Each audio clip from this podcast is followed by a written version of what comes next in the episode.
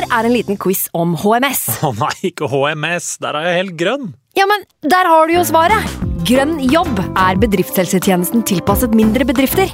Våre HMS-eksperter hjelper mer enn 8000 bedrifter over hele Norge med alt fra lovpålagte HMS-krav til pålegg fra Arbeidstilsynet. Få på plass bedriftshelsetjeneste på grønnjobb.no.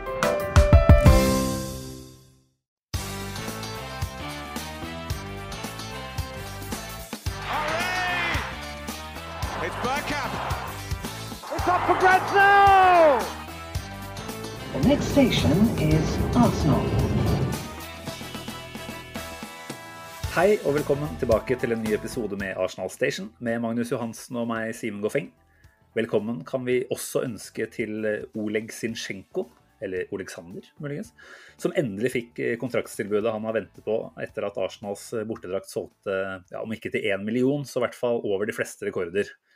Ny spiller og ny fortreffelig Arsenal-drakt. Det er ikke ille å starte en ny episode med de overskriftene der, Magnus?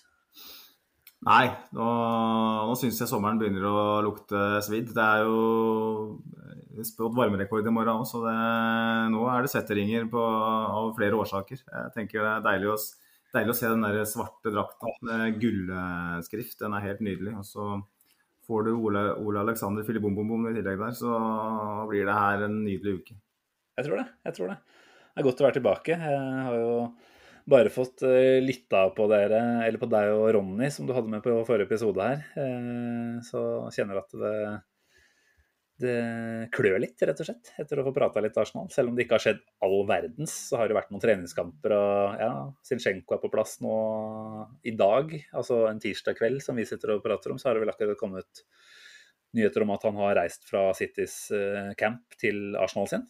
Gjennomfører vel noen medisinske undersøkelser på et sykehus i nærheten eller noe sånt. Så tenker at vi får faktisk se han i løpet av Kanskje ikke Orlando-kampen allerede da, men mot Chelsea, da, får vi tro. Så, tror du ikke det? Nei, jeg tenker at han blir sikkert klar foran Leicester-kampen i midten av august, tenker jeg. Sånn, med tanke på hvor lang tid vi bruker på å offentliggjøre dealer. Han sitter klar, men sin medieavdeling ikke har fått ut noe sånn announcement-video, så får han ikke spilt ennå, nei. Det er sant, det. Nei. Sikkert. Nei, vi får se. Men eh, vi skal vel prate mye om han. Kanskje ikke der vi starter. Eh, starte med å høre åssen det går med deg, er vel kanskje som seg hør og bør, når det er tre, tre uker siden vi har sittet her sammen. Ja, nei, det, det går veldig fint her. Altså, jeg er jo en av de som skrur av litt grann eh, på sommeren. Eh, Jeg har ikke sett noen av treningskampene, for jeg har krasja med fisketurer.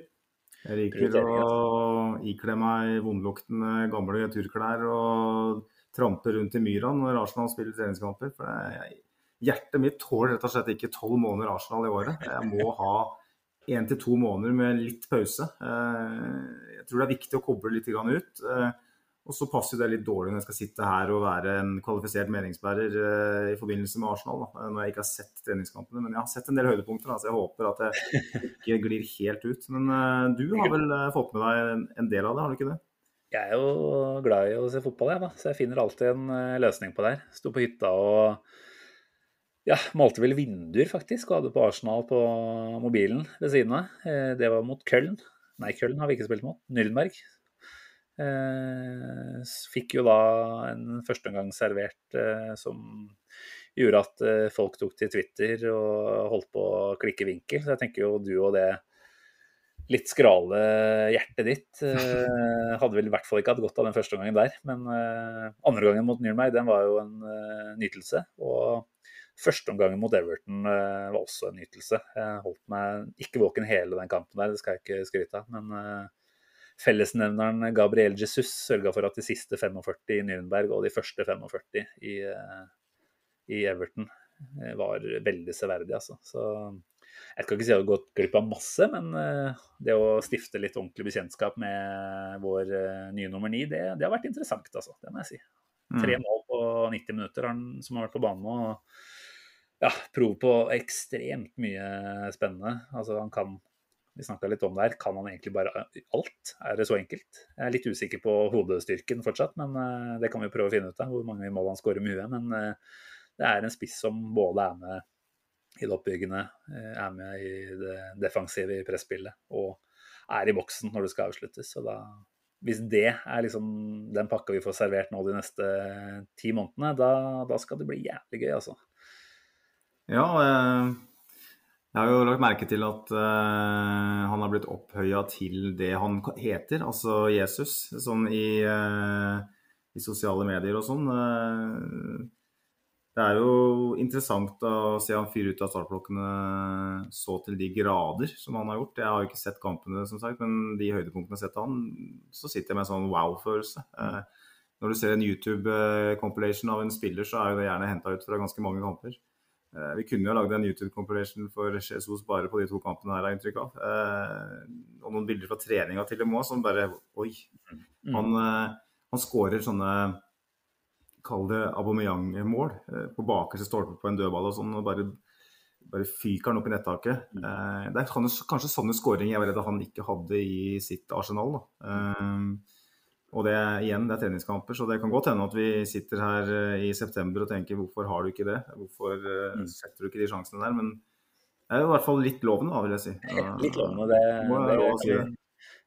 definitivt si. Og nå nevnte du Aubameyang, og jeg skal ikke liksom dra opp alle deilige Arsenal-spillere fra fortida her, men jeg har fått litt sånn Alexis-vibber av han også, altså. Eh, Det er et eller annet med den drivkraften og eksplosiviteten i måten han beveger seg på. Eh, kan jo håpe at han er enda litt mer økonomisk eh, i noen av de valgene han foretar seg, da, men jeg syns han ser ut som eh, alt vi har ønska oss. Altså. En ordentlig sånn energipakke, da, som samtidig som han har de ekstreme individuelle kvalitetene også, tror jeg kommer til å være en veldig god fit inn i det laget her. Eh, kan jo allerede begynne å se tendenser til at han og Martinelli, Saka, helt sikkert også Ødegaard etter hvert, eh, de kommer til å finne hverandre i blinde, tipper jeg. Så her har vi masse gode fotballspillere som eh, endelig skal få lov til å leke sammen på Emirates-matta. og det, det kommer til å bli bra.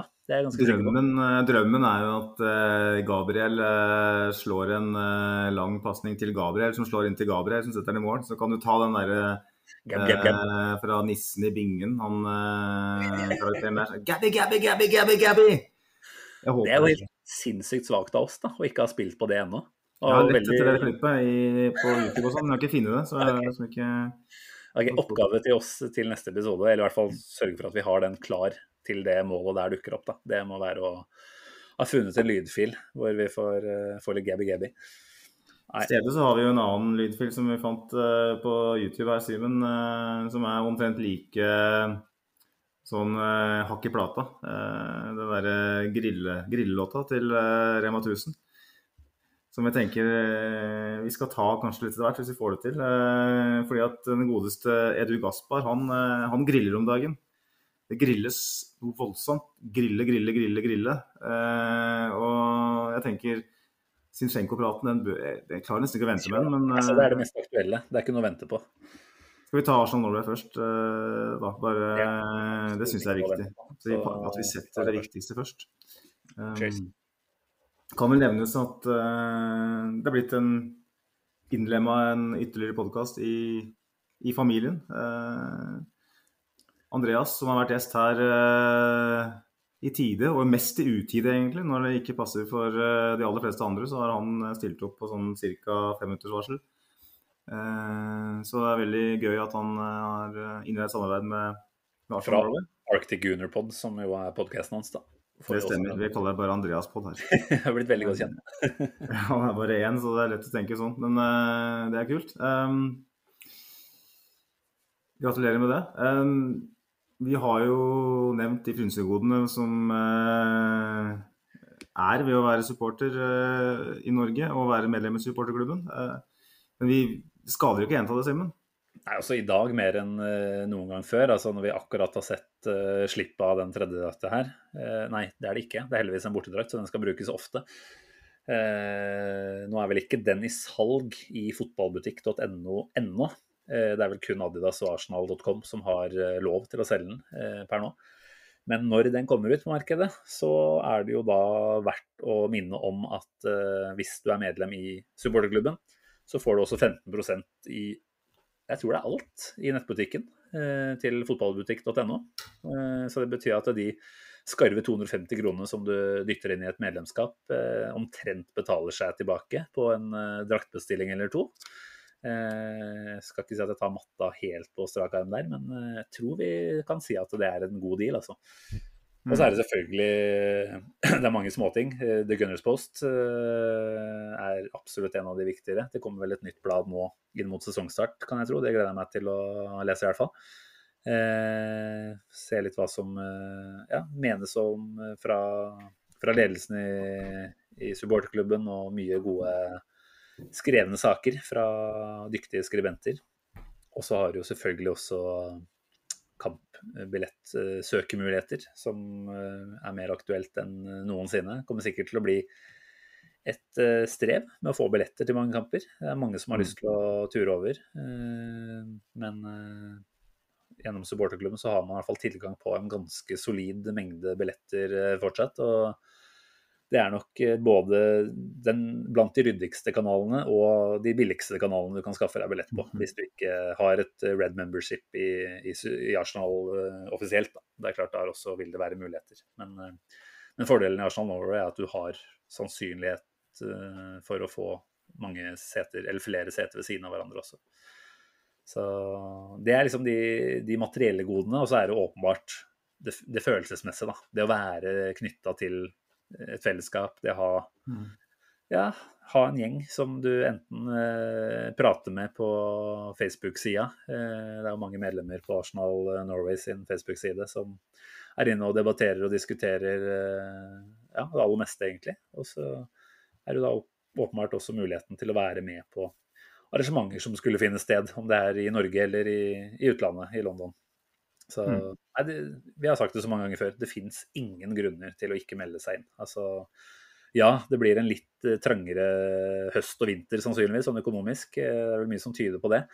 Men, uh, men de 250 kronene der, de tror jeg vi absolutt alle klarer å søle vekk på et eller annet tull uansett. Og da er det nesten For meg så blir det som å sette penger inn på sparekonto. Det er du, du får, altså Sparekonto får du ikke mye avkastning på. da. La oss si at du setter inn på høyrentekonto eller noe sånt. Så, så, så, får du liksom igjen noe for det hele tida.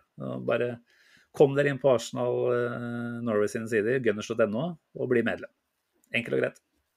Og les uh, innholdet som blir lagt ut der. Uh, som vel nevnt i forrige episode, så har de starta med, eller skal starte med plussaker. litt sånn som vi ser i, i avisene. Hvis du er medlem, så får du tilgang på ekstra innhold eh, i tillegg til supportermagasinet. Eh, blant annet produsert innhold herfra. Eh, X-spillerspalten som jeg har hatt gående i to år nå, som eh, også er noe, i en del tilfeller omskrevet til skriftlig fortelling. Så hvis dere hadde sansen for det, så har dere mulighet til å få en uh, servert det skriftlig. Det blir selvfølgelig ikke det samme uten din uh, muntlige innlevelse, det må vi jo si. Men, uh, Nå har vi hørt stemma så, så, mye, så jeg tipper at når de legger seg om kvelden, så er det meg de hører. Jeg er en av stemmene i hodet. håper, håper jeg. håper ikke det, for noen. Nei, men det er på sin plass å skryte av den supporterklubben her. Nå hadde jo du Ronny som sagt på besøk for noen uker tilbake, et par uker.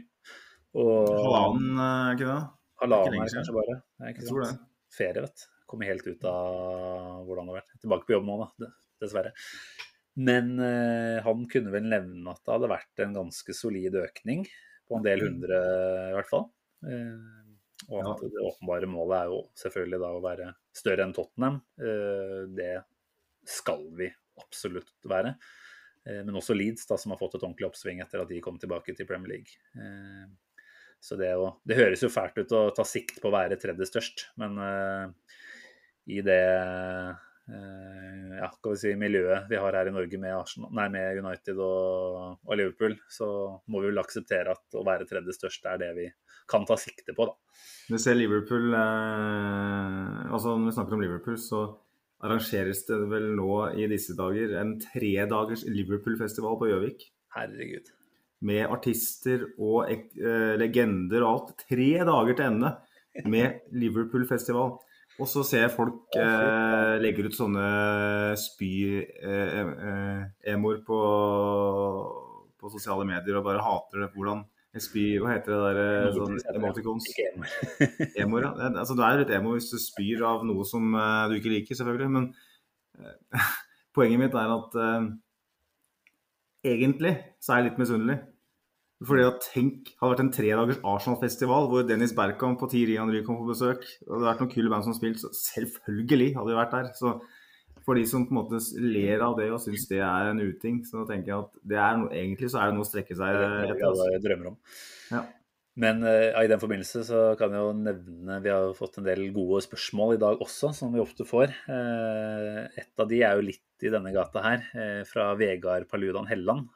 Han skriver jo, eller spør hvilken kino låner vi til premieren så vi kan samle en god gjeng kanoner?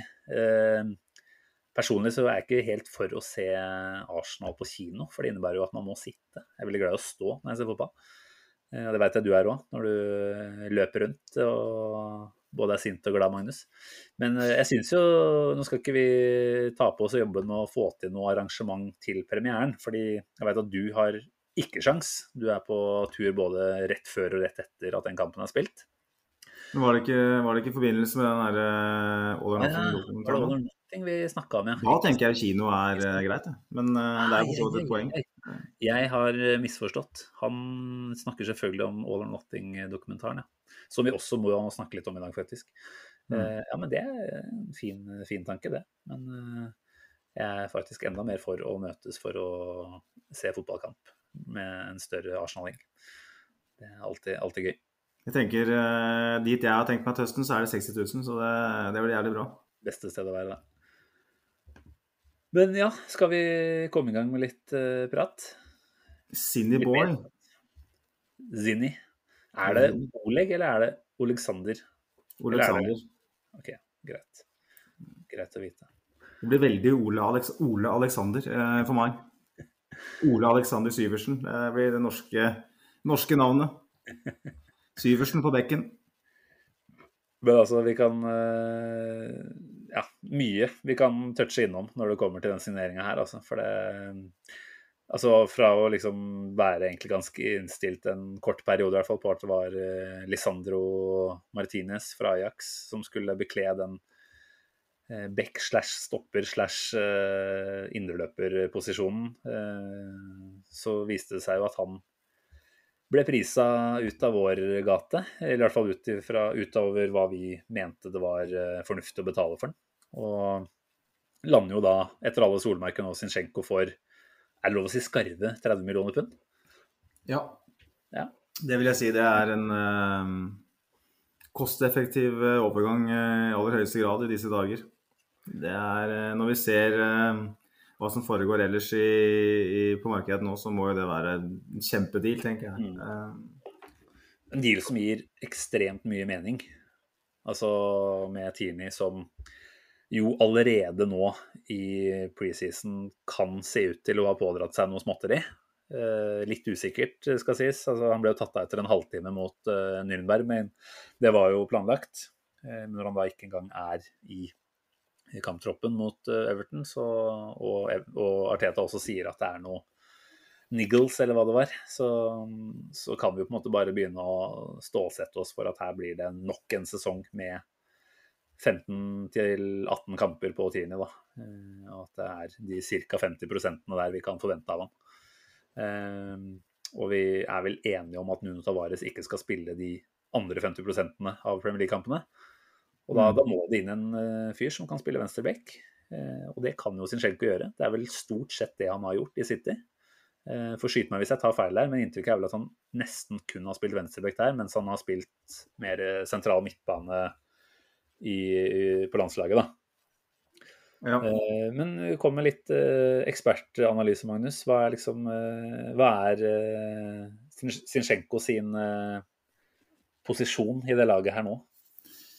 Altså, Sivert Eriksen skriver oss, eh, til oss på, på Twitter. Han skriver Sinchenko benker Tierney vel. Han tilbyr mer stabilitet. Eh, og så skriver vel Andreas Mathiassen eh, også på, på Twitter.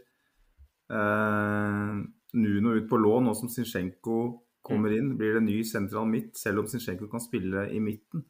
Og det, det er jo det som blir litt sånn interessant her, da. Eh, fordi at jeg er nok litt mer der at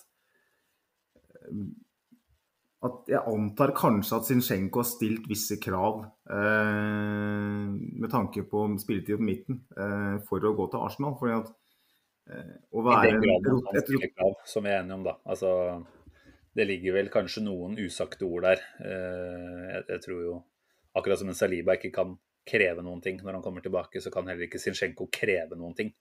Men han kan jo få noen ganske klare antydninger om hvordan man tenker rundt hans rolle, da. Ja, og så tenker jeg at eh, det er en viss respekt mellom Arteta og Zinchenko fra tidligere, så jeg vil jo ikke tro at Arteta sier, sier noe og, og leverer noe annet. Eh, jeg tror Zinchenko kommer inn i Arsenal fordi at han kan tilrive seg en fast rolle i laget. I City så var han jo i veldig stor grad rotasjonsvalg. På bekken med en Kieran Tierney eh, som en, en, eh, et alternativ, så vil han òg potensielt være et rotasjonsvalg. Sivert eh, har jo helt rett i at han tilbyr mer stabilitet enn en Tierney, og det handler jo om eh, tilgjengelighet. Eh, det må vi ha på venstrebekken. Det er det nest viktigste for meg. Eh, hvis vi ser tilbake til sesongslutt forrige sesong. Vi må ha inn en spiss, og vi må ha inn en spiller som kan spille når Tierney er ute. Mm. Som Teta stoler på, og som kanskje er litt kjøligere og, litt mer eh, rutinert oppå seg enn det Tavares viser seg å være. Og det er det viktigste for meg med tanke på signeringer, men jeg tror fortsatt at Sinchenko sannsynligvis kommer til å spille vel så mye på midten som, eh, som på bekken. Jeg tror han blir en eh, Og da den venstre indreløperrollen som jo står litt ledig. Nettopp. Eh, og da, da tenker jeg at han blir en, eh, en slags eh, Swiss, Swiss Army knife, som man sier i England. En, eh, en liten leatherman eh, som kan by på ganske mye forskjellig. En, som, eh, i en, en æra med fem, byt, fem bytter. Mm. Masse folk på benken, så kan han være en type som kan gjøre mange jobber. Men jeg tror primært han kommer til Arsenal fordi at han ser for seg at han kan tilrive seg en fast plass i laget, enten det er back eller midtbane. Og jeg tror faktisk at han kommer inn med et håp om å spille på midten. Eh, og jeg tror at det betyr at eh, vi ikke kommer til å hente en, Nei, en Ti- med mindre Sjaka for går Da. Det, det kan jo skje. Tilemannsryktene har jo blitt litt lunkne, har de ikke det? Eh, Uten at jeg har fulgt så tett med de siste dagene, så er jo inntrykket at den, den på en måte ligger der som en litt sånn backup-løsning hvis man trenger det. Eh, Mm. Så får man jo se, da, ikke sant, med Chaka og sånt. Det er, eh, nei, det er mange spennende takes på den Zinchenko-overgangen her. fordi selvfølgelig, så hvis du står med en skadefri Tierney eh, og en skadefri Zinchenko, da, eh, hvordan og, og la oss si at du har en midtbanetreer allerede, da, med Party, med Ødegaard, med Sjaka. Altså, det er ikke bare å fjerne Sjaka. Han var kjempegod i store deler av forrige sesong og er en kontinuitetsbærer i det laget her. og har nok eh, bevist mye for Arteta, som Arteta setter pris på. da. Eh, ja, altså jeg, tenker at man har i Zinchenko en annen type venstreback, og helt åpenbart enn det man har i Tierney. Altså der Tierney er den litt mer klassiske overlappende bekken som eh, løper opp og ned, så har Zinchenko Er det fælt å si City-DNA? Uh, men hvordan de opererer med bekkene sine, så er det jo nesten det. Altså, det kan Zelo ofte by på. da. Eh, en som kan trekke inn, eh, bli en sentral midtbanespiller. Ja, egentlig sånn som Chaka har operert når han har vært på venstrebekken. da. Altså I det offensive spillet da, så, så trekker han jo inn og blir en slags indreløper-type der, da. Eh, og med tanke på at eh, ja, altså, de fleste tegn tyder på at Arteta har et ønske om å i enda større grad kontrollere kamper. Eh, da er Zinchenko mannen du benytter deg av på venstrebekken, sannsynligvis, da, eh, foran en Tini. Eh, jeg tenker at versatility er jo på en måte det store, store plusset her. da. Vi får en spiller som kan bekle flere roller, posisjoner, og som kan gjøre mye forskjellig. Altså, han er en allsidig fotballspiller, og er inntrykket mitt. da. Så jeg tenker at han hever jo definitivt kvaliteten på stallen, altså på de første 15-16. Eh, så tar jo det, med den signeringen her et stort hakk et steg opp fra å ha en Tavares, som på en måte skulle være den backupen. Mm. Eh, så kan vi sikkert snakke om Tavares litt etterpå, for det, det er vel litt sånn, ja, hva, hva skjer med han nå? Eh, Ja. men, eh, men jeg tror du har ganske rett når du sier at Zinchenko kommer eh, etter alle solmerker for å spille eh, mye fotball. Og så vil det litt ut ifra motstander, om man er på hjemme- eller bortebane. Eh, ja, man har muligheten til å flekse mer her, rett og slett. Da. Det er jo litt sånn paradoksalt på en måte, med tanke på at Arteta vel ganske tidlig i Arsenal-karrieren sin pratet om at han trengte hva kalte han da, eh, spesialister eh, som kunne gjøre de og de konkrete tingene. Da. Her Ja. får han jo en type som ja, han er sikkert spesialist. Han, Arteta har jo åpenbart identifisert eh, noe der. Eh, men som kan gjøre litt av hvert veldig bra, da, har jeg inntrykk av. Så jeg tenker det er en klassesignering. Eh, prisen i det markedet her er god. Eh, og vi kan selvfølgelig snakke om at eh, han er et slags andrevalg etter en Lisandro Martinez som vi vel var mest innstilt på eh, en periode, da. Men eh, nei, nå, nå, har man gått for den, og da, da, har jeg liksom kommet dit at med den sommeren vi hadde i fjor, eh, og de resultatene de nye spillerne ga, så er jeg veldig, veldig klar for å backe Arteta på, på også denne signeringa her, da. Så. Altså, altså han eh, Jeg vil si at det er lenge siden jeg har følt det jeg føler rundt Zinchenko-signeringen, og det er at det her er en åpenbar signering for Arsenal. Den er så åpenbar, den her. Det er liksom sånn eh, Det er et, et, kjøttstykke som dingler fra nesen på deg. Altså det, det, er bare å, du må ta det valget her. Jeg vet jo at Lisandro Martinez var førstevalget. og vi skal ikke snakke ned uh, han. Uh, Mener du ikke det, altså? For det, det er liksom morsomt, det fenomenet der. Hvordan absolutt alle Arsenal-fans omtrent nå, i hvert fall på Twitter, har snakka ned Lisandro Martinez uh, etter at han gikk til United. Det er jo fascinerende hvordan vi supportere holder på, faktisk. At vi går fra å omtrent uh, gudeliggjøre han til å tenke at han var ræl allikevel. Men uh, mm. den, den, praten trenger vi ikke å ta nå. Det er, Nei, men det er en god prat jeg har egentlig lyst til å ta, men uh, da blir klokka mye. Um, men det er liksom noe med at Arsenal, som Arsenal-supportere så er vi vant til at, og nesten vil si sånn i Ilands perspektiv, traumatisert av, et, av, en klubb som ikke tar de åpenbare grepene. Der det er store hull i stallen, og det er en spiller som bare fyller det hullet lett, og det er mulig å få, å få henta han så har vi ikke gjort det. Det handler mye om Arsen Wenger.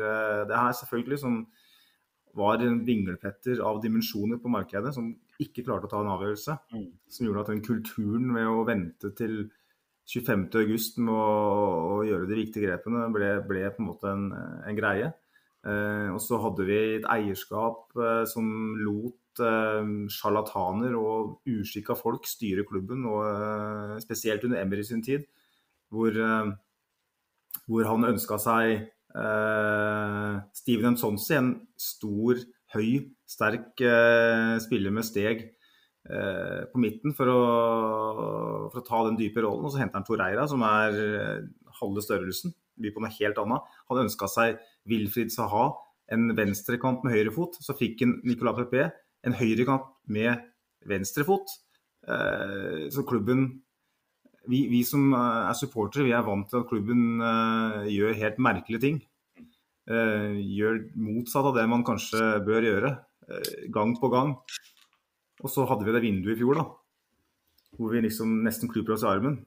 ikke der og da, men sånn ettertid, når vi ser hvor bra det funka. At det var, her er det en plan og her er en strategi. For meg så er Zinchenko-signeringen eh, bank i bordet. Eh, fordi at eh, Hvem vet hva som skjer i en medisinsk test og alt sånt. Vi vet at ting kan skje. Men si at han er klar for Arsenal, da, så er det akkurat den bekreftelsen jeg trengte på at fjorårsvinduet ikke var en blaff. For at det her det gir så jævlig mening. Det her ser vi at, Nå ser vi virkelig at Arsenal bygger. Eh, og de har en plan, de har en struktur. Og da tenker jeg at vi som supportere da kan endelig senke skuldrene og stille oss bak, eh, bak klubben. Det er det Zinchenko representerer for meg, eh, rett og slett. Du er rett og slett eh, solgt? ja, altså Du er sånn her optimist, Magnus. Trenger ikke å si noe mer. Alt er bra. Nå skal jeg være pessimisten. For det er to ting jeg liksom undrer meg litt over ved Zinchenko. Altså, han virker jo som en ekstremt god ballspiller, en offensiv spiller. Ehm, men er han en god nok defensiv spiller? til å bekle den venstrebekken. Altså, nå kan vi jo selvfølgelig håpe og tro at, at ved å kontrollere ball i større grad, så havner man i færre ubeleilige situasjoner én mot én, både som venstrebekk og andre steder.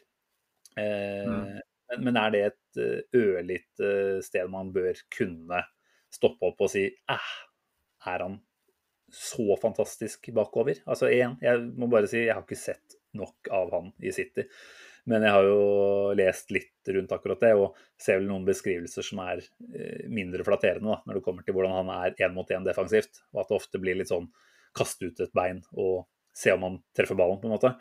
Mm. Eh, klart et Arsenal som er, eh, la oss si, i innehav av ballen 60 pluss prosent da, av tida, vil jo havne i, i færre sånne type situasjoner enn det vi var forrige sesong bare.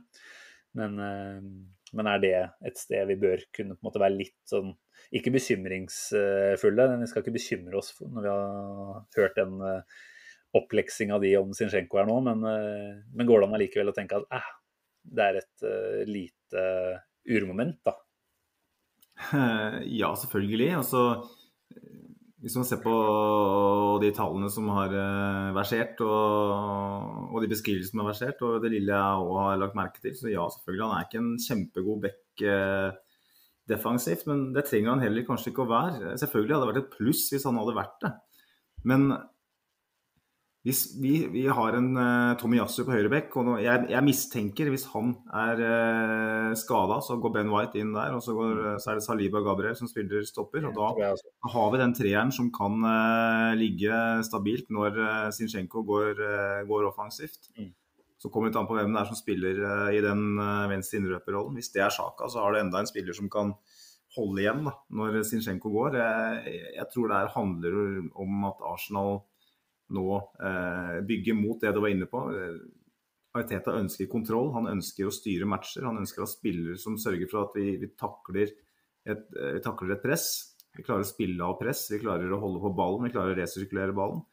Eh, vi klarer å rett og slett eh, sette et massivt press på motstanderen over tid og dominere kamper. Eh, ikke bare et kvarter, ikke bare i en omgang, men i 90 minutter.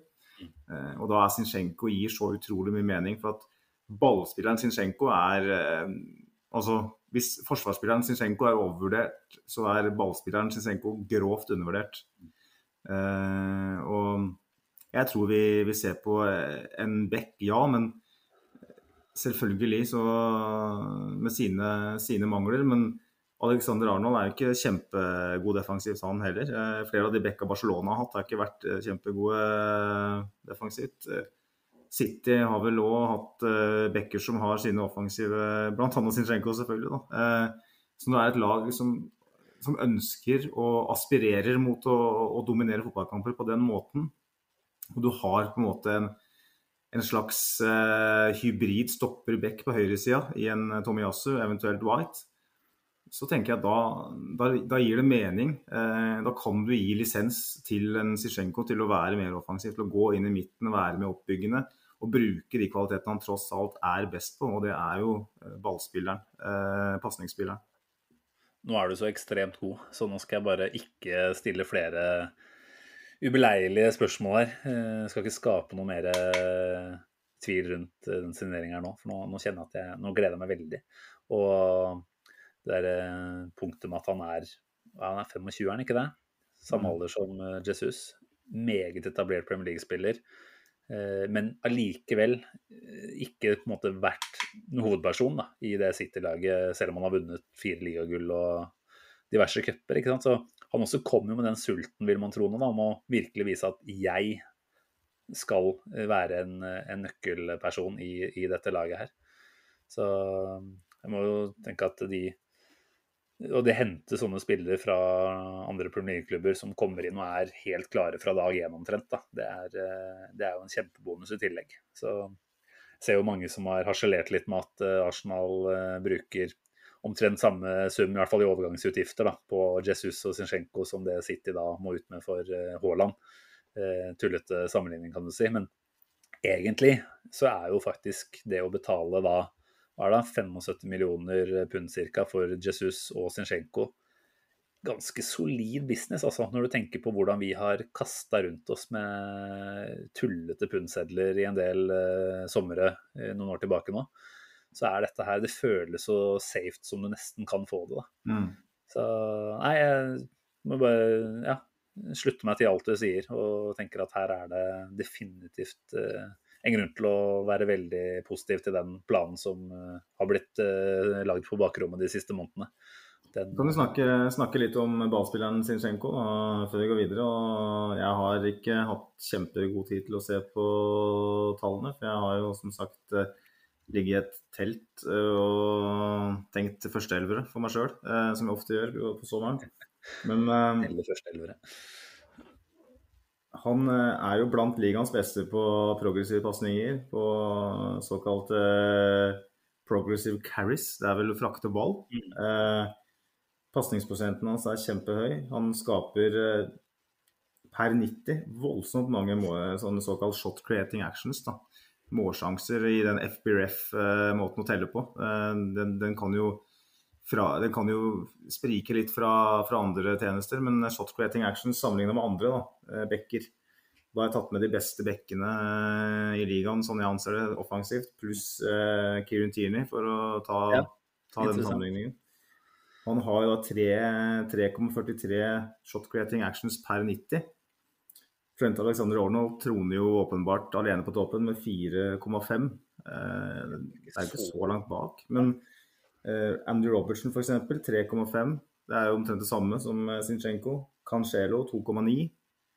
Uh, Kieran Teeny 1,79. Veldig langt bak. Og han spiller for Arsenal, selvfølgelig. Og det, det, det må vi ta med oss. Uh, Zinchenko har jo litt andre arbeidsforhold uh, i City. Uh, Reece James 3,72, det tenker jeg er en god sammenligning. For Reece James er en av de beste vekka i, i Premier League offensivt. Da er han ikke langt bak der. Han spiller, han spiller, Chelsea, det er et lag som har, har slitt siste sesongen i, i, forhold til Liverpool og, og City.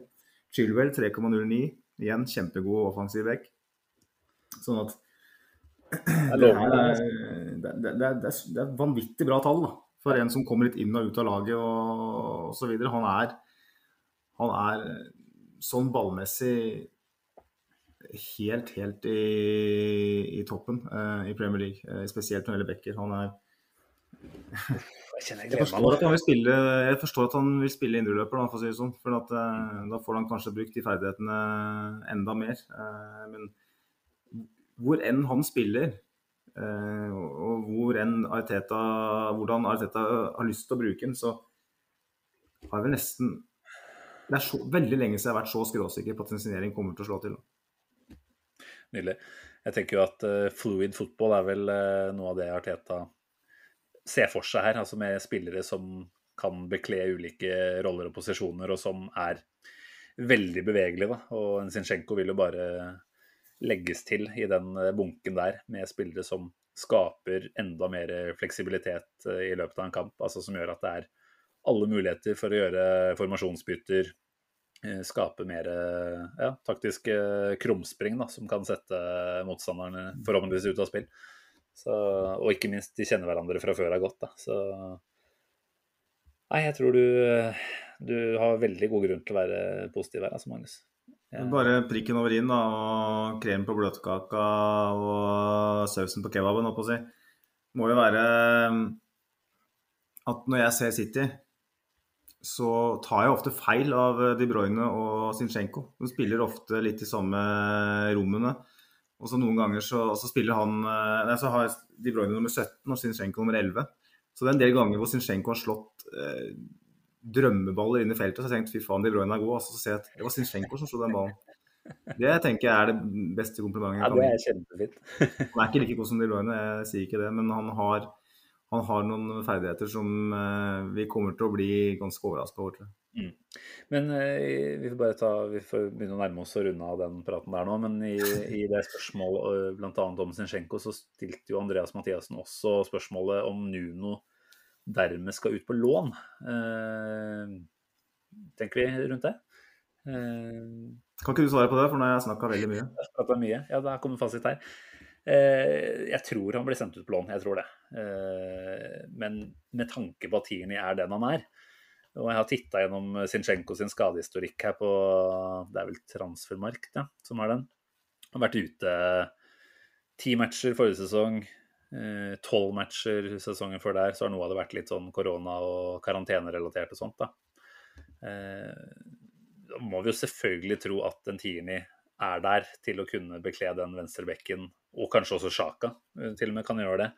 Og at Tavare sånn sett er best tjent med et lån. Men, men jeg lurer nå litt da, på om vi kunne på en måte Vi skal ikke omskolere Nuno, det skal vi ikke. Men så er lov å si fæl som han er defensiv, så tenker man jo at det kunne vært interessant å ha den som en liten joker fra benk en gang iblant på en av vingene. da. Altså Nå får vi se hva som skjer med PP, med Nelson. Men det er vel nærliggende å tro fortsatt at begge de turer av gårde.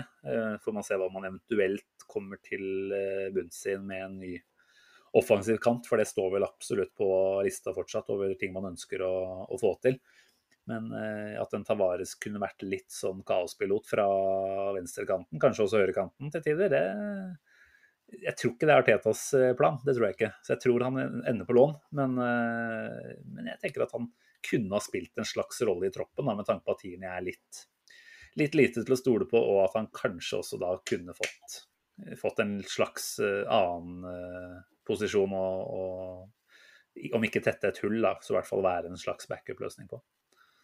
Så er det interessant å se, når vi snakker om spillere som vi ser for oss at kan forsvinne, enten på lån eller permanent, så, så er det vel få spillere som har generert så mye interesse, hvis vi skal tro mediene, som Nuno Tavares. Eh, Marseille har blitt nevnt, jeg mener det har blitt nevnt noen klubber i Spania. Jeg har vært uh, veldig interessert, har jeg inntrykk av. Jeg mener at jeg har sett at det har vært noen uttalelser fra noen direktører eller noe sånt der som har snakka om det også. Så at det er nok en helt reell interesse, da.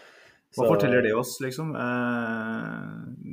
Det er jo, det er jo på en måte en, en tilbakemelding vi bør altså Hva Arsenal og Teta tenker, det er én ting, men vi som supportere som eh, gjerne har lyst til å mene noe om mm. spillere, er kanskje en tilbakemelding vi bør eh, ta litt seriøst. da. Kanskje Nuno Tavares eh, byr på noe som og, og ikke minst de som virkelig kan spillet, eh, ser på Nuno Tavares og tenker at her er det noe. Så ja. Nå, jeg syns det er litt spennende. Jeg vet ikke om Marseille og Atalanta spiller med trebekslinjer begge to. Jeg tror kanskje det. Ja, det er klart, Wingbacken Nuno Tavares har man jo litt mer tro på enn fullbacken. Så det er klart at med tanke på at Arsenal også vil, eller kanskje bør også, i noen kamper kommende sesong spille med trebekslinje, så så kan han være et eh, fint alternativ i så måte også. Da. Vi så jo andre omgangen mot Everton at man, eh, at man gikk over til Trebekslinjen i andre omgangen der. Så det kan jo bære bud om at Arteta ønsker å på en måte ha det liggende som en, en go to-ting eh, i visse kamper. Da. Mm. Så ja, nei, vanskelig å si. altså. Jeg ser på en måte argumenter for og imot her, men med Zinchenko inn nå det, det vil jo bli langt fram i køen, sannsynligvis. da. Eh, og det vil bli lite spilletid. og for hans del, eh, kanskje for verdiutviklingen hans sin del, så vil det være eh, mer å tjene på å låne han ut. da. Kanskje med en sånn jeg vet ikke om Er det mulig å få sånne klausuler hvor du kan hente spillere tilbake utenfor vinduer, eller er det på en måte nesten ikke mulig med tanke på at Fifa har noe reglement der? Jeg tror det blir problemer med registreringen av spillere. Vi snakka litt om det i i fjor med Maitland Niles og sånn, når vi hadde skadekrise på midtbana og problemer på stoppeplass, nei, på backplass, at vi gjerne skulle hente ham tilbake. Men eh, det viste seg jo at det var veldig vanskelig. Da måtte det i så fall ha skjedd i januar. og ja. I de aller fleste tilfeller så er, jo, er, det jo klubben som låner spilleren som sitter på rettighetene sånn sett. og Det er ikke bare, det, det hadde blitt et problem da, hvis man bare skulle ha eh, hatt muligheten for noe sånt. Selvfølgelig da kan man jo inngå en, en intensjonsavtale, men det er klart da vil jo spilleren bli mindre interessant for, mm. For et lån til ja, Da vil man kanskje ende opp i en klubb som ikke passer all verdens bra. Du nevnte Maitland Niles her. Er det verdt å bruke to ord om han, eller? Nå har ikke du sett noe særlig uh, preseason, det har du vært ærlig på. Men han har jo spilt en del. da. Han starta den første mot eh, Nürnberg. Eh, spilte sjekka her i stad, 68 minutter der. Og kom inn og spilte hele andre gang mot Everton. Mm. ett år igjen på, på avtalen sin. Eh, du har vært en ordentlig forkjemper i tidligere episoder for at han må komme seg en uh, runde inn på rommet og få Artetas velvalgte ord til å, til å, overbevise ham om at en sånn versatility-posisjon i Arsenal er kanskje det beste han kan håpe på, og noe som definitivt kunne ha passa han. da. Altså en som kan bekle mye ulike roller og, og gjøre en jobb mange steder. hva tror du om hans rolle? Hva tror du om hans uh, forhold til Arteta, i den grad vi skal på en måte late som at vi vet for mye om det. Eh, det ble jo ikke noe drømmeutlån definitivt i Roma. Spilte vel veldig lite og har jo sånn sett fått kjenne på at gresset ikke er så jævla grønt på andre siden nødvendigvis. da. Ett år igjen på kontrakten. Bør han nå liksom plukke opp hansken og tenke at ok, nå skal jeg faen meg bevise at jeg har noe å gjøre i den klubben her. altså største klubben i London, en av de absolutt største klubbene i Europa. Han kan ikke finne seg noe bedre, så enkelt er det. Eh, og han har prøvd, og det har ikke nødvendigvis gått så veldig bra. Eh, bør han, i den grad Arteta er åpen for det, da, tenke at her kan jeg spille en rolle eh, både som høyreback, som wingbacker, eh, kanskje til og med som kantspiller eller indreløper til tider. Kanskje ikke indreløper, det, det, har vi jo sett noen ganger at det ikke blir så bra. Men, men hva tenker du, har du noe troa på det i det hele tatt, eller? Altså, jeg har lyst til å ta med meg uh, Maitland Niles inn på et uh, lydisolert puterom og ta for meg. Og for dere tolke det hvordan dere vil, men uh, jeg merker at jeg er forbanna. det her har jeg sagt før. for faste lyttere så kan det kanskje bli gjentagende, men uh, Maitland Niles han er den perfekte salgsspiller, ikke sant. Han uh, kan bekle flere roller. Han er helt ekstrem én mot én defensivt. Altså han beste, kanskje med unntak av Tomiyasu, den beste én mot én-forsvareren vi har. Uh, kan gjøre veldig spesifikke oppgaver. Uh, hvis du har en gameplan som handler om å ta ut en, en kantspiller, så finnes det ikke bedre enn en Maitland Niles. Uh, han er han er en atlet av dimensjoner. Han, eh, hvis han hadde bare skrudd hodet sitt på rett plass, så kunne han ha vært en jævlig god eh, midtbanespiller òg i, et visst system. Jeg tror kanskje ikke han passer inn i Ariteta sin filosofi sånn sett, men vi så noen kamper i fjor hvor han eh, spilte på midten. Måten han bare uh, tok med seg ball gjennom ledd nærmest som en selvfølge. Bare ikke Vieira steg, men uh, hakket under, da. Uh, fyren har, fyren har nesten, nesten, alt du kan drømme om som en, uh, som en, en stallspiller i den moderne um, æraen. Så det er jævla synd at han ikke kan forstå det. det. Jeg er helt sikker på at han går nå. Mm. Dessverre. så Ja, Forest var jo kobla der, var det ikke det? Men det har vært ganske stille. Er det andre ting som tyder på at han går nå, eller? Altså Med unntak av at han har ett år igjen og man må selge nå for å få noe spenn for han, da. Jeg har ikke sett noen spekulasjoner eh, nå, nei. Jeg så jo Forest hente jo en back eh, vel eh, fra Betis, er det ikke det? At eh, de kan kjøpe Berin. Nettopp. Så det, det vil jo dryppe litt på sånn sett. Men ja. Eh, nei, jeg, jeg, vet ikke om du er enig, Simen. Men jeg, jeg har veldig vanskelig for å se for meg at Maitland Niles eh, er i klubben når vi skriver 1.9. Ja. Nei, altså, Man håper jo kanskje på at det kunne blitt en slags uh, Enketia-kopi. da. Altså Hvor det etter alle solemerker går mot slutten, men så, så skapes det et kallet tillitsbånd mellom manager og spiller eh, over en periode som gjør at man ser at OK, dette er det beste stedet å være. Eh, jeg, jeg sitter jo på en måte ikke og tenker at det er Arteta som eh, altså jeg tror, jeg tror, ikke han har samme syn på Maitland Niles som eh, Enketia. For at det er eh, et annet, eh, et annet kaliber da, eh, i forhold til hvordan han kan se for seg Maitland Niles. Og som du sier, det er nok mer som en stallspiller i så fall. Men åpenbart så vil jo den verdien være kjempestor nå når det blir fembyttersesongen her, ikke sant? Eller videre. Mm. Og ja, nei, jeg, jeg, tror ikke det er store pengene vi vil få tilbud om. altså Litt avhengig av hvem som er interesserte. Så en Premier League-klubb kanskje ti, da. Maks. Det er klart det er en sum vi sannsynligvis vil takke ja til da. Men eh, nå spiller jo Cedric såpass mye at eh, vi må jo anta at det er han som kommer til å være en slags andre slash tredjevalgsløsning der. Og da, da, blir det jo lite plass til en Maitland Niles å gjøre det. Mm. Men, uh, så, så, det er vel av de rasjonelle grunnene lett å se for seg at han går, ja. Men jeg støtter deg veldig fullt i at det, det, er, det er nok ikke det beste karrierevalget han gjør, rett og slett. Da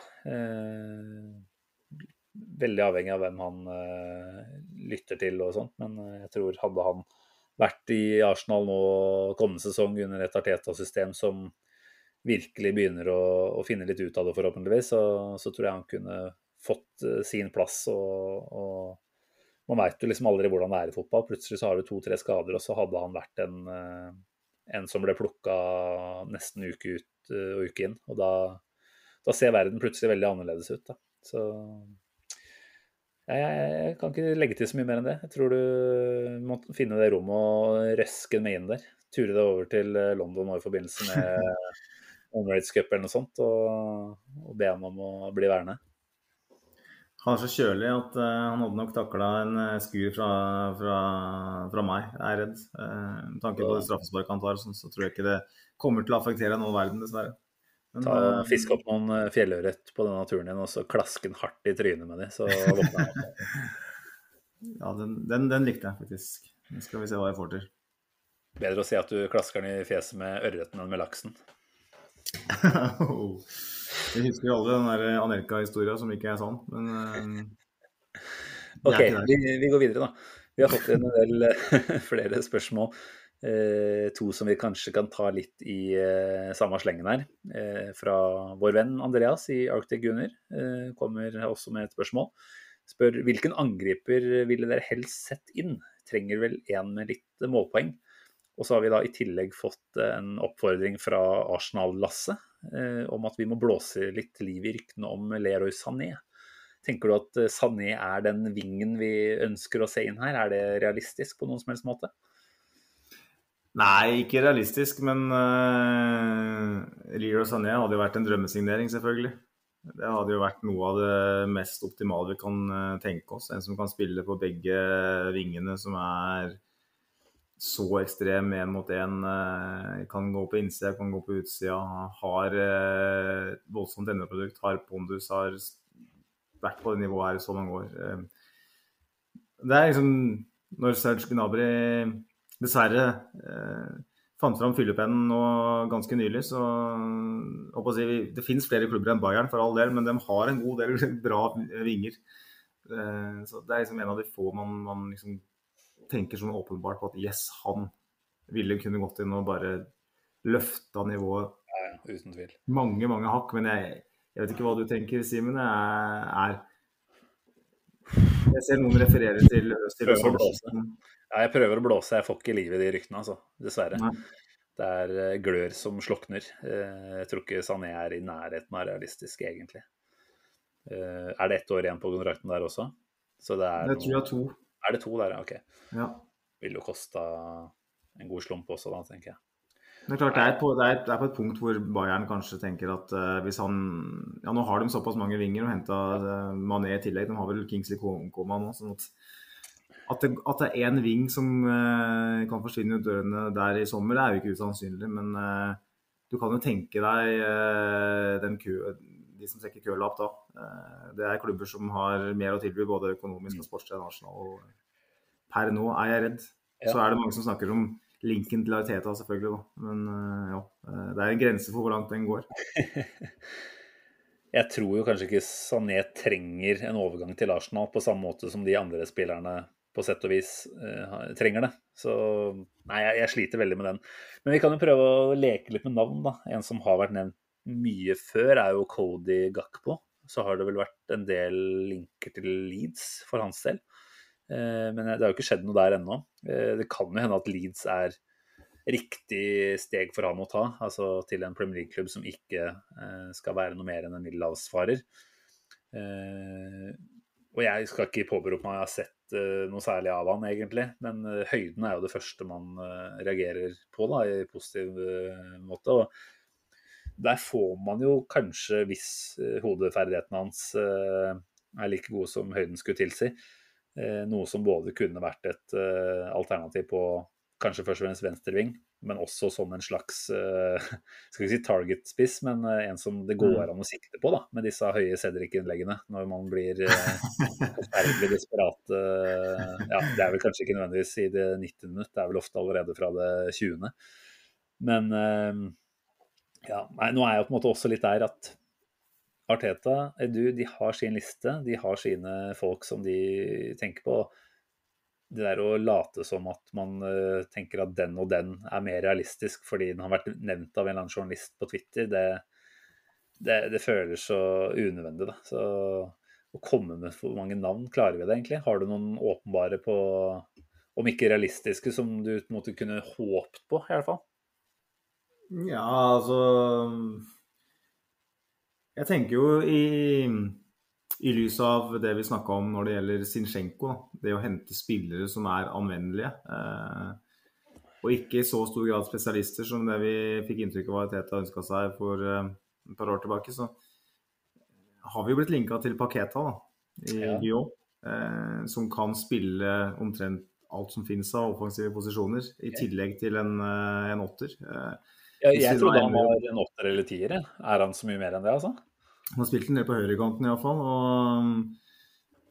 Sånn at han kan spille både som spiss, eh, kant og midtbanespiller. Eh, selvfølgelig offensivt anlagt i alle tilfeller, men eh, hvis man da ender med å ikke hente Juri Tilemans, da, eh, og man har Zinchenko som et alternativ, alternativ på midten, hvis man da i tillegg får en Paketa som kan være et alternativ på kant, eh, og på midten. Eh, kanskje i, et kampbilde hvor vi er eh, si, store favoritter. Eh, har Ødegaard, Paketa og en Thomas Partey som ligger dypt. Eh, altså Zinchenko da som en, en back-type som kan gå opp i oppbyggene. Så tenker jeg at det, det gir ganske mye mening, da. Eh, sånn at uh, den linken, den gir, den gir litt mening. Uh, uten at jeg nødvendigvis tenker at det som blir skrevet, stemmer. da. Jeg vet at det blir nevnt at Arsenal har interesse.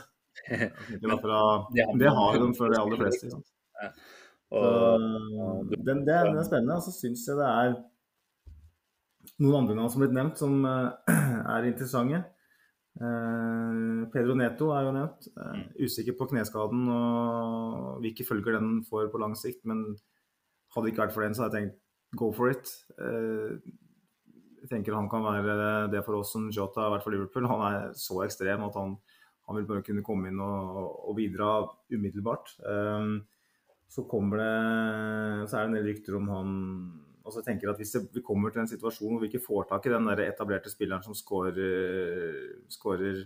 15 mål og har 10 målgivende, altså drømmen vår, da, Rafinha, Gnabry Jeg sier ikke at de har så mange målpoeng, da, men Saka det var, er der fint. Ja, ikke sant? At vi henter en etablert type som kan komme rett inn og bidra. Eh, løfte laget, gi oss de ti ekstra målene vi trenger. Eh, så hvis vi, ikke, hvis vi, ikke, finner den typen For det, det, er vanskelig for Arsenal å tiltrekke seg spillere av det kaliberet. Så så jeg han Trossard i Brighton har blitt linka et par ganger. Jeg vet Arsenal var interessert, han, interessert i han før han gikk dit.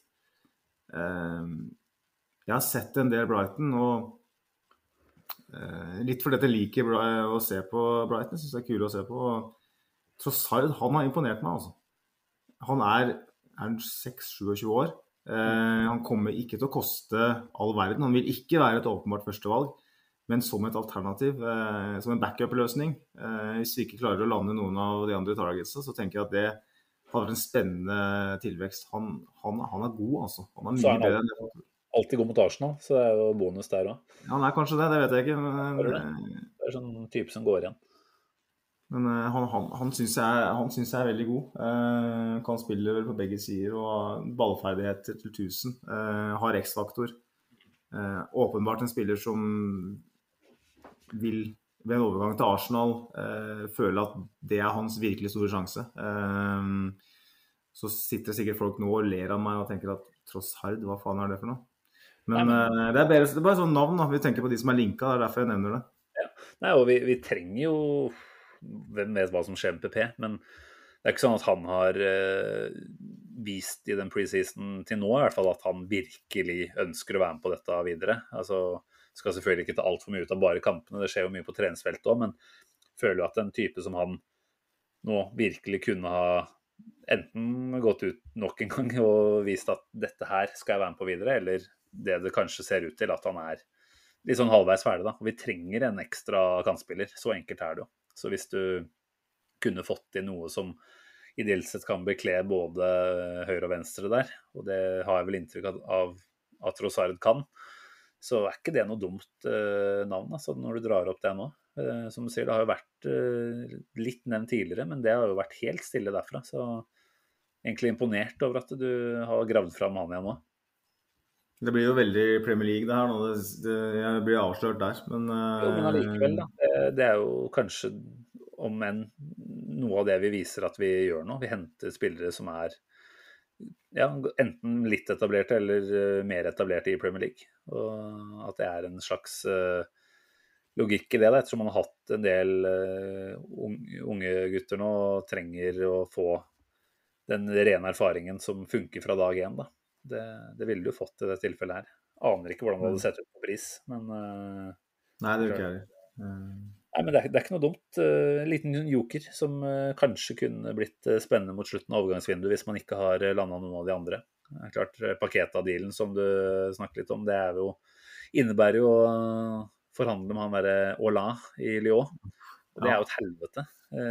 Så hvis han skulle hatt hva da, 65-70 eller noe sånt for Paketa, så, så kan jeg jo kanskje se for meg at Arteta og co. ikke tenker at det er der de store summene skal legges, da.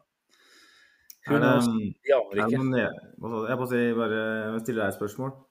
Um, nå er det jo folk som uh, er ute og antyder at uh, Arsenal bare går og henter uh, og, og, Chelsea til dels òg, som òg har henta Stirling, og som ja. vel nesten henta Akay.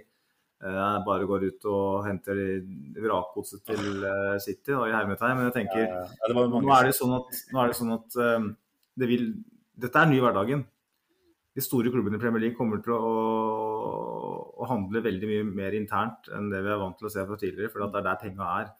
Og vi har, også, de aller fleste har på en måte en eh, hva skal jeg si, De er avhengig av å få igjen en del kroner for spillerne sine. Da. Så da selger du det heller til eh, en rival for 500 mil enn å selge den til Juventus for eh, 8 kroner et glansspill. eh, så, sånn blir det. Og da tenker jeg i den forbindelse, da er det noen nedfallsfrukt i, i Chelsea på, på, kanten? En Hakim Ziyech, eh, Callum, Callum Hudson Odoi. Eh, er det noe der? Jeg bare spør deg, jeg. Det, det er nei, kanskje Pulisic, jeg vet ikke om han er tilgjengelig. Ikke jeg tenkt på. Altså, Ziyech er vel på vei til Italia, til AC Milan. Milan er det vel det? Ja. Eh, Hudson Odoi har jo slukna helt. Eh, aner ikke hvordan det ligger an der. Eh, men ja, det finnes jo helt sikkert noen sånne potensielle dealer du kan dra på hatten som går an å få inn for en OK penge. Men eh, mm. jeg vet ikke om det, de to navnene der er noen som appellerer veldig til meg, eh, egentlig. Altså, ikke meg heller. Han var nei, og jeg sitter ikke og har noen sånn åpenbare jeg tenker på her, her og nå, altså. Eh, det er klart eh, Hadde ikke vært for at eh, Marcial nå ser ut til å bli litt eh, varm i trøya under Ten Hag, så, så er jo det et navn som jeg har tenkt på tidligere, eh, egentlig forrige sesong òg, når han gikk til Sevilla. At det kunne vært interessant å prøve seg på. Da. Så det var åpenbart at det var en del lenker til, til Arsenal da Wenger var her. Eh, det er ikke sikkert han er Artetas cup of tea, men, eh, men en sånn type som er litt rejecta, eller ikke har den mm. posisjonen i en ja, topp seks-klubb, da.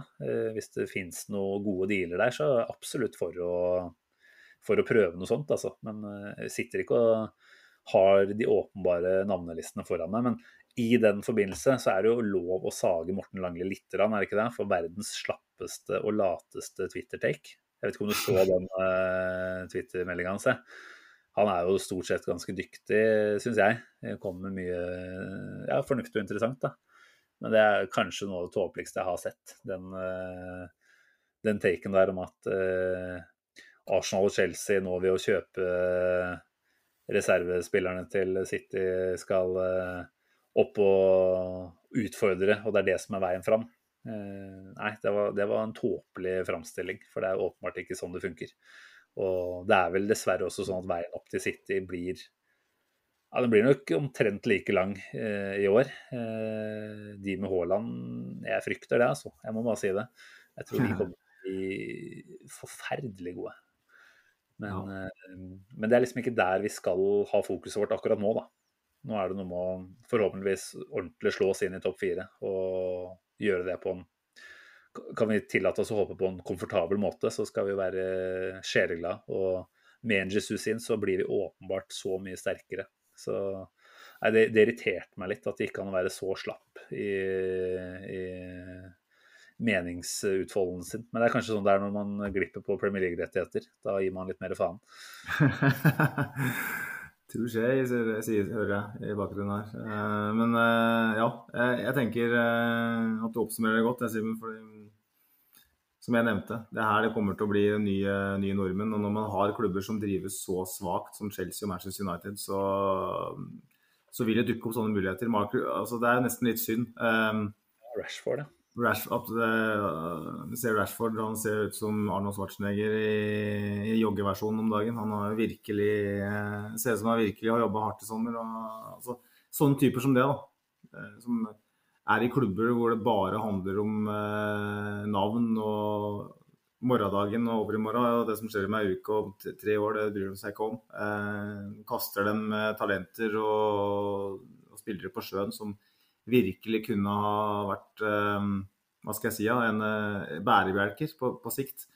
Og Chelsea er jo kanskje den største gullgruppa der, eh, ikke sant. Um, og United òg, eh, for så vidt. Sånn at her er det her, Hvis man er smart her, så, så kan man finne, finne dealer som kan virkelig Så jeg er spent på, spent på noen, av, noen av de spillerne etter hvert, om det, om det kan være noe å få til der. Mm. Altså, du snakker litt om dette med klubbdrift og hva som er bærekraft og sånt. Og i den forbindelse syns jeg det er greit å ta med et spørsmål fra Stein Erik Gjermstad. Interessant. Eh, han eh, skriver jo da her Overraskende at Arsenal tilsynelatende driter penger? Spørsmålstegn. Funderte litt på om jeg kunne bruke uttrykket 'bruke penger som fulle sjømenn', men blir jo feil. Arsenal identifiserer og henter targets med sylskarp eh, presisjon. Hva tror dere? En høy risiko dersom CL ryker? Eh, Jeg syns jo det er et spennende fokus å ha nå. Eh, For ja, vi kan ikke kritisere talentidentifikasjonen. Altså vi, vi henter det vi bør etter alle solmerker nå, der er vi dyktige. Men pengene som brukes, da er det noe som på en måte gir deg grunn til eh, noe bekymring. Nå brukte vi vel 150 millioner pund i fjor sommer. Med denne Zinchenko-dealen nå, så er vi vel oppe i 115 denne sommeren. Eh, enda ikke fått spesielt mye penger inn på konto i forhold til salg og sånt. Men vi, vi har jo noen spillere som bør ut på et eller annet tidspunkt. Eh, men, men hva tenker du på Har du et godt svar å komme til, Stein Erik her? Jeg syns det er et godt spørsmål. Først og fremst hei til Stein. Han, eh, han er kjent i, i mange år. Eh, kommer fra nabokommunen her i Elverum. og En kjempebra fyr og en eh, vaskeekte gunner. Eh, det er jo interessant fordi at eh, eh, det kommer i kjølvannet av en eh, pandemi som har eh, åpenbart har påvirket klubben negativt økonomisk. Kommer etter en sesong hvor vi ikke har vært i Europa i det hele tatt. Vi klarte ikke topp fire heller, sånn at vi, vi får jo ikke de pengene. Um, sånn at utlegget virker jo ikke helt i tråd med, med posisjonen. Så har du et annet, et annet aspekt, det er jo at eh, nå har klubben kvitta seg med Sinnssyke lønninger. Nettopp. Som har vært som en, blylåd et blylodd rundt fot, eh, foten, eller begge føttene egentlig. Eh, sånn at eh, midler har blitt frigjort, men hvor kommer de midlene fra? Eh, nå ble det vel tatt opp et lån på var det 150 millioner pund eller sånn fra Bank of England i, i fjor. Eh, eierne som da tok opp det på, på vegne av klubben. Eh, hvordan tilbakebetales det? Eh, vil eierne dekke det? Eh, på kort sikt, i så fall, betyr det, hva betyr det? Vil det bety at vi må betale dem tilbake på, på et eller annet tidspunkt? Vi, vi, er ikke, vi er ikke Chelsea, vi vil ikke få sletta gjeld på 18 milliarder bare over en lav sko. fordi at det ble, ble krig i Europa. For å ta en veldig sånn enkel take. Sånn at man, man blir bekymra for for hva det betyr for klubben på sikt da, når, det gjelder å, når det gjelder gjeld og, og forpliktelser økonomisk. Jeg vet ikke, Simen. Nei, det, det, fordrer jo at uh, du får en viss suksess. Da. Altså Sannsynligvis. Altså, det er ikke bærekraftig over mange sesonger å bruke penger i den størrelsesorden her og ikke klare å kvalifisere seg for Europa. Det, det kan jeg ikke tenke meg. Eh, nå sitter jo ikke vi og er Swiss Ramble og har full oversikt på det som rører seg på alle kontoene til eh, hver eneste klubb. Men, eh, men det gir ikke mening at man kan bruke penger på det nivået her over lang tid. Den store positive endringen nå er jo at man henter jo spillere som stort sett da, er i et litt lavere alderssjikte, som vil ha større potensial for å videreselges. Eh, du vil sannsynligvis få bedre retur på avkastningen sånn sett. Eh, så, ja, så lenge det på en måte er en del av en så god plan tilsynelatende som man har nå, så, så er det et eh, ja, i hvert fall ganske stor kime til, til avslapning for min del. Men det er et tøft klima i Premier League òg. Det er ikke sånn at de CL-spottene er åpenbare for, eh, for, noen klubber, egentlig. Så nei, det, det krever jo mye sånn sett. Um, og så, og så, Vi snakka litt om det tidligere også. Vi ser hvordan Barcelona hmm. på et helt, helt annet nivå, selvfølgelig, eh, kaster penger etter eh, aldrende spillere. Også Chelsea litt i den sommeren her. Altså, vi ser jo en Stirling da, som har fått en Er det en fem pluss én-kontrakt? Eh, 27 år. 350, eh, eller? I uka? 300 eller 350? Eh, mellom 300 og 350 000 ja. pund, ja. En Kolibali som er blitt 31, og som vel får en fireårskontrakt, i hvert fall. Eh, sikkert en solid lønn der òg. Eh, ja, og Basha, da, som nevnt, som er jo på et helt eget nivå. Eh, jeg tror jo ikke vi er på en måte vi, vi, kan ikke sammenligne oss med noe av det, men eh, det det er lett å tenke for noen av de tilfellene der, er jo at det handler om å, om å være eh, relevant, da, rett og slett. Altså det å ikke fade vekk og bli en eh, Nå er jo Barca det absolutt største omtrent man kan få i fotballverden, så det er ikke sånn at de med et mm. par dårlige sesonger blir en skygge av seg selv. og og sånn, men, men jeg, jeg, har jo en ørliten uh, sånn mistanke, da, og det har helt sikkert du også, om at Superleague fortsatt uh, ligger der i bakhodet hos absolutt alle klubbeiere. Hos de største klubbene. Og det handler om å ikke bli ordentlig akterutseilt. Eh, det handler om å, på det tidspunktet det igjen kommer opp da, som et alternativ Helt sikkert med et litt annet format enn det vi ble forespeila her i fjor, var det vel. For det, det, kunne ikke gå på den måten. Men, men, det er klart at det å være i miksen da og Eh, ja, gjøre seg, kall det populær da, for, eh, for, de type prosjekter. prosjekter. Skål. Mm. Eh, det, det kan Jeg tror ikke det handler om det i Arsenal sitt tilfelle, det tror jeg absolutt ikke. Men det er klart at vi har vært ute av uh, toppsjiktet i Premier League nå i flere sesonger. Så ærlig må vi bare være. Og det er nok ikke noe Arsenal som klubb tåler la oss si tre-fire sesonger til. Da. Altså På den siden der tåler vi det ikke. Og i forhold til det å skulle beholde våre største eh, egenproduserte talenter som Saka, som Martinelli eh, OK, Martinelli er ikke egenprodusert, men du skjønner hva jeg mener. Eh, en Ødegård som sannsynligvis eh, pirrer flere andre toppklubber etter hvert. Det handler om å være ja, attraktiv nok for dem, da, og være resultat eh, orienterte nok til at vi faktisk eh, får beholde de største eh, også framover. Så jeg tror mm. de to somrene her nå, i tråd med at uh, Arteta er ny, eller har vært ny, og på en måte måtte gjøre en opprydning, det, det måtte han jo. Og den jobben har, har, ikke vært lett for han på en måte. Og jeg syns han etter hvert nå begynner å vise at han har gjort den med en ja, skikkelig god overordna plan hele veien. da. Så mm. tenker jeg at uh, den sommeren her jeg sier ikke at vi ikke kommer til å bruke lignende summer neste sesong eller neste sommer, men dette her er på en måte eh, ikke det siste steget, men det siste ordentlige steget i denne omskiftningen av stallen. Da. Og da, da, må det brukes mer penger. Så jeg tror ikke det er bærekraftig at vi bruker disse pengene her, eh, særlig hvis vi ikke får solgt for høyere summer. Men, eh, men det vi går etter nå, er vel både bedre resultater og at vi også faktisk kan sitte igjen med større summer når vi selger spillere. Så ja, det var et langt svar med lite Det var et langt svar, men bra svar, da. Ja, litt litt bra var det, og mye reelt var det nok også. Jeg satt jo inne med de samme poengene, så jeg føler meg naken nå. Men, Men det er det er, bra for en gangs skyld. Du kan egentlig bare speile mine poenger med enda bedre ordlegging, så blir det veldig bra.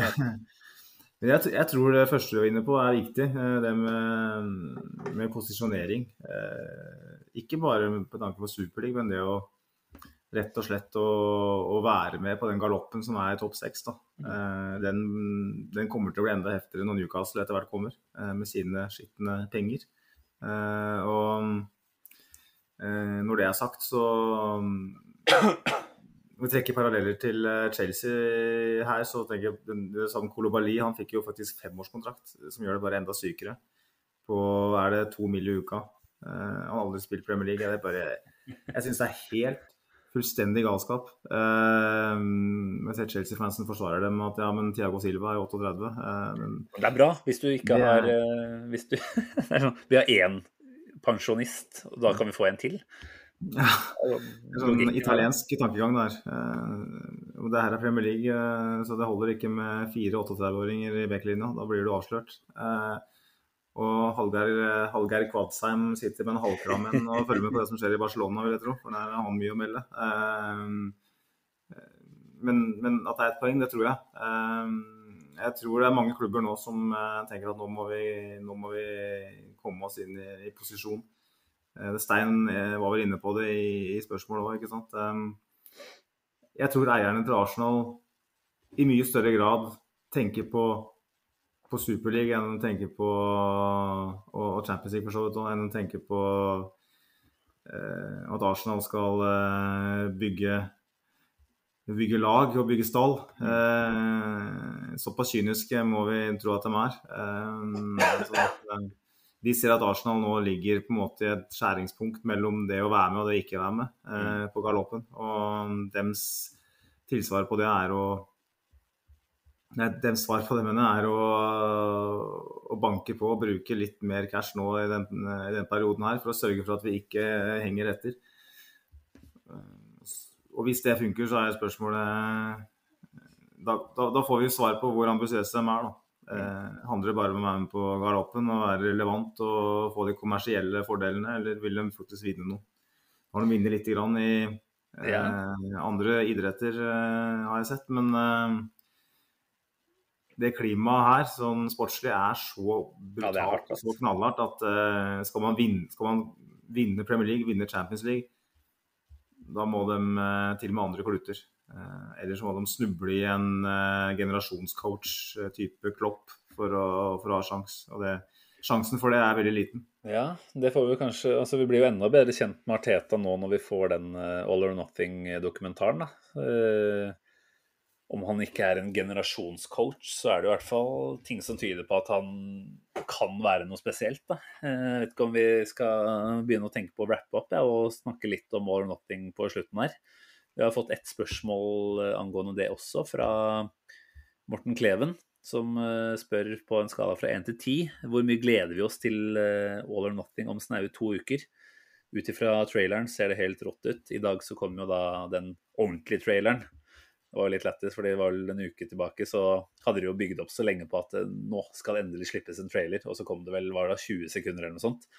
Men i dag så kom det en på halvannet minutt da, som, som gir noen innblikk i allerede der en del interessante temaer. da.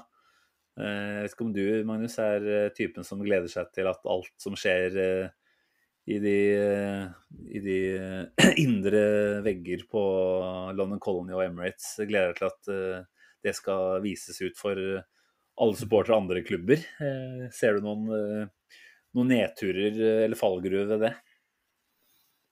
Nei, egentlig ikke. Uh, Iallfall ikke for Arsenal sin del. Uh, for min uh, psykiske helse sin del så gruer jeg meg litt til å se, sesongavslutningen. Uh, det var jo en, et vakkert eventyr, en fantastisk historie som skulle være snipp, snapp, snute. Mm. og ikke, ikke, i den forstand, men at man sitter igjen med prinsessen og halve kongeriket. ikke sant?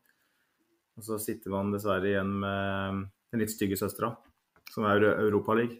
Eh, og det, det gjør at jeg gleder meg litt mindre. Eh, men det, det, jeg gleder meg aller mest til, er å se Miquel Arteta eh, bak lukkede dører. For eh, han er så glatt, ikke sant, den fyren. Med sveisen sin og legosveisen sin og enorme kommunikasjonsevne. Jeg har lyst til å se at han mister det litt. Eh, jeg vet ikke om jeg har lyst til å se det, men jeg gleder meg til å se om han gjør det.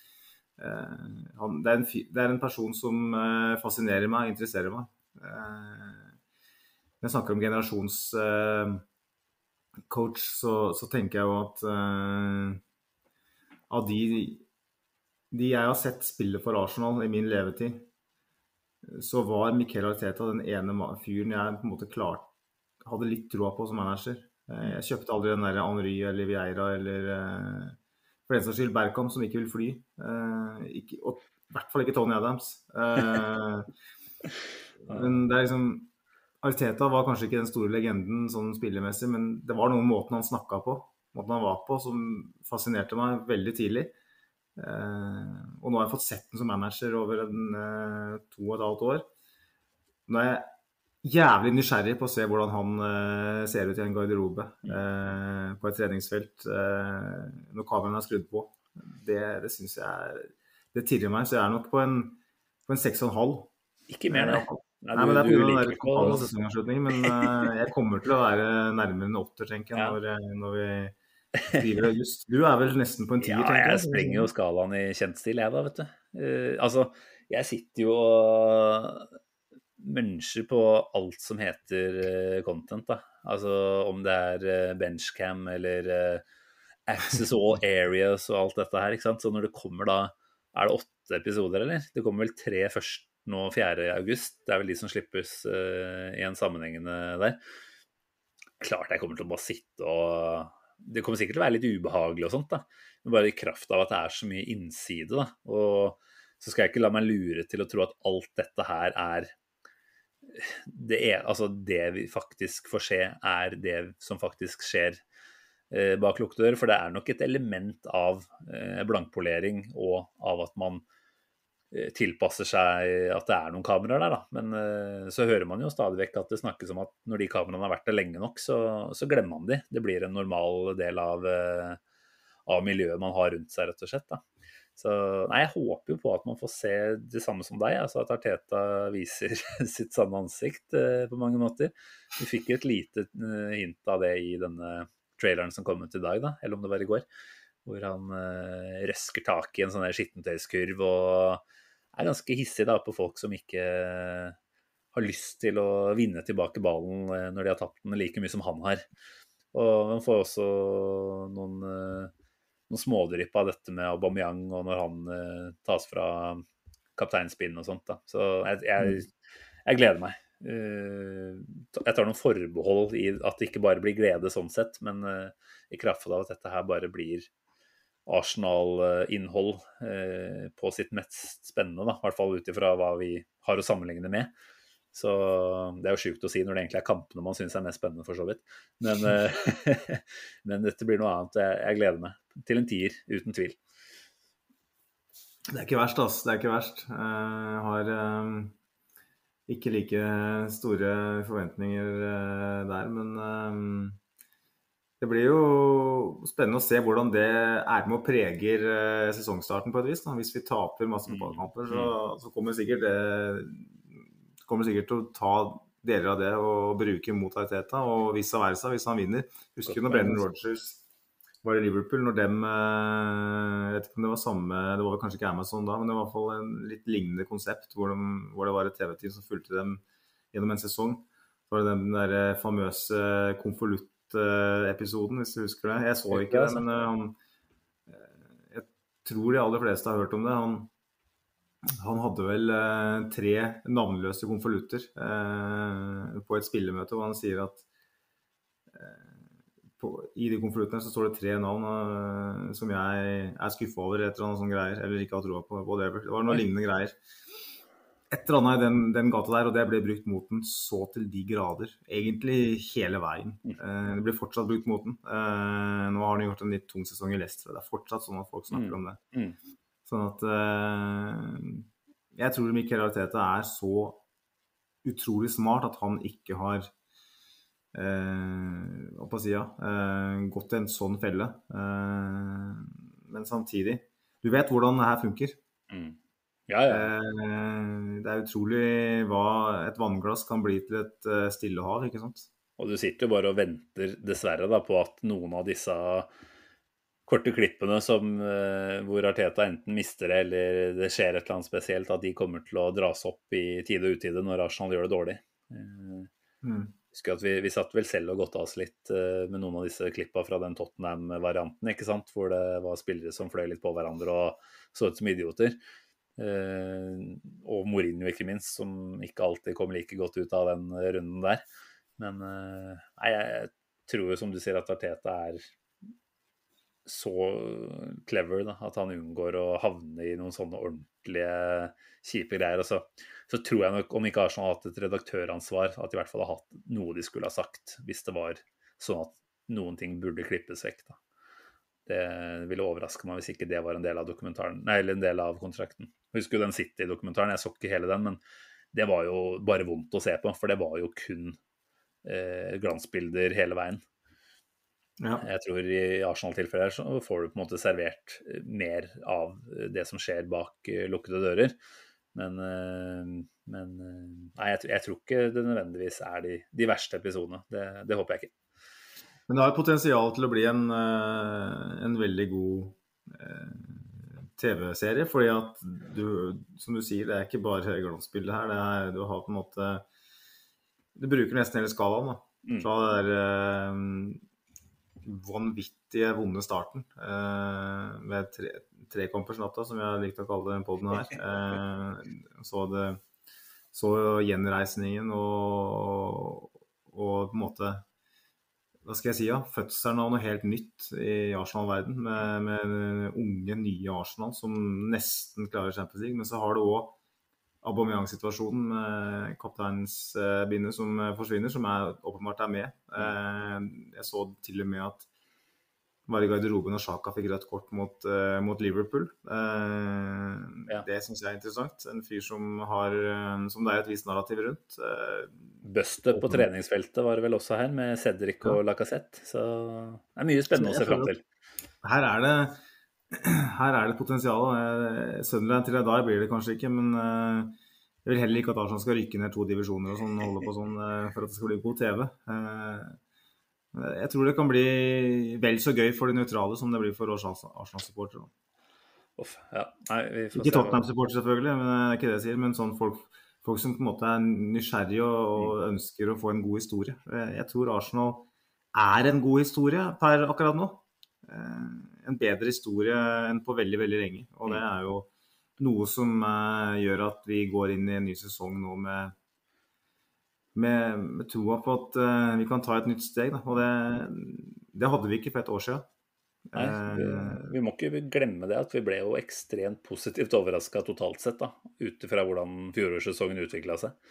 Så at vi nå går inn i en ny sesong Vi får jo ta eh, sesongspådom og sånt senere, men eh, det er klart med en ja, reell optimisme som vi faktisk tror kan ta oss et sted. Da. Det, det er ikke ille å bare være der, altså. Så um, jeg tror uh, dette hadde blitt en kjedelig sesong å lage All or Nothing. Arsenal kommer til å cruise gjennom. nei da. Ja, ja, nei, du har ikke vært Arsenal-supporter lenge nok. Siden. Jeg bare spøker. Jeg har bare en god humoristisk sans. Nei, men yes. du, nå har vi klart å prate over halvannen time i dag også. Og hvis ikke du har noen sånne helt åpenbare presserende behov da, eh, det har du ikke, vet jeg, fordi X-spillerspalten den har en liten sommerferie. Kommer tilbake Nei, men du kommer knallsterkt tilbake når du først kommer tilbake. Så i, sånn som alle lytterne er, så gleder jeg meg veldig til det. Men ikke noe press. Den, den kommer når du er klar, når du har tid. Uh, og det er egentlig helt greit, for i dag så syns jeg vi har holdt på lenge nok uansett. Ja, Hvis vi gir oss nå, så syns jeg lengden er grei. Det er bare at Vi kan ikke holde på i ti minutter etter at vi sier at vi skal avslutte. sånn som vi alltid gjør. Nei, men da, Ja, da tenker vi runder av, vi, og så bare Oi, det snakker vi et kvarter til.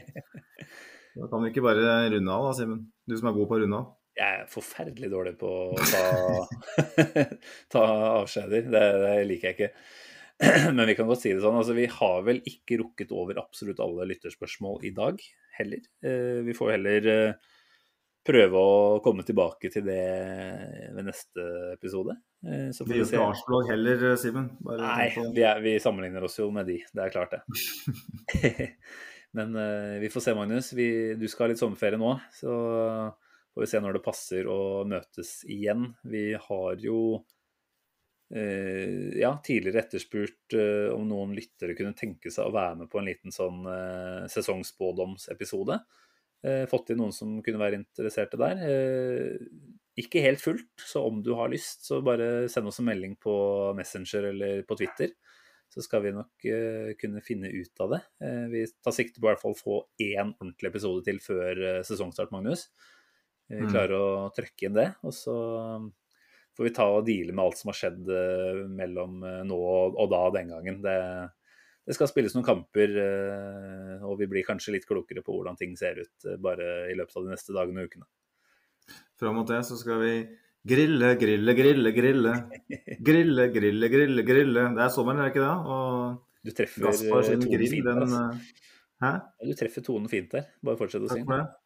Og Gaspar sin grill, den, den er det full Den står i lys lue, håper jeg.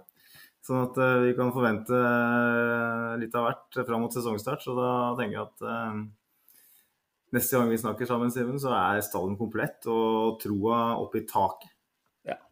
Det tenker jeg høres helt riktig ut. Vi, er, vi, vi nærmer oss allerede, og, og det er ingen grunn til å, å tro at det ikke fortsetter.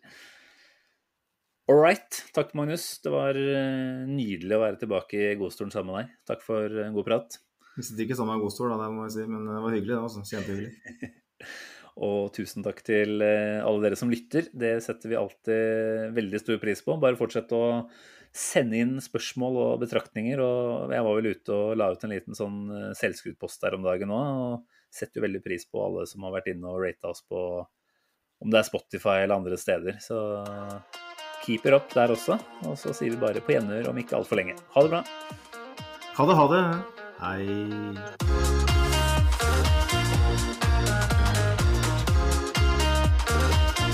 This train terminates here.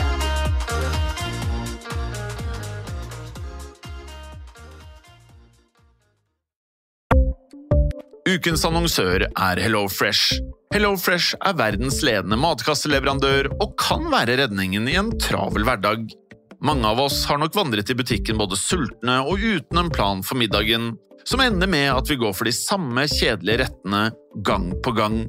Middag burde være dagens høydepunkt. Som HelloFresh kan du nå velge mellom 25 ulike retter hver eneste uke, eller få HelloFresh til å sette sammen menyen for deg. Dette gir deg muligheten til å prøve nye og spennende retter alene eller sammen med familien. Du velger antall porsjoner og får alt levert på døren på et tidspunkt som passer for deg. Oppskriftene er enkle, og maten er lett å lage både for store og for små. Ved å få alt levert hjem får du også mer tid til å dele matgleden med familie og venner. Kanskje det frister med asiatiske tacos eller greskinspirert kylling? Da kan jeg anbefale deg om å gå inn på hellofresh.no.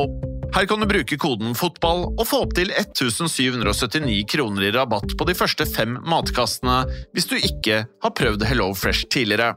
Du kan også bruke rabatten hvis du har vært kunde og stoppet abonnementet ditt for tolv måneder siden eller lengre. Gå inn på hellofresh.no og bruk koden FOTBALL. Har du et enkeltpersonforetak eller en liten bedrift? Da er du sikkert lei av å høre meg snakke om hvor enkelt det er med kvitteringer og bilag i fiken, så vi eh, gir oss her, vi. Fordi vi liker enkelt. Fiken superenkelt regnskap.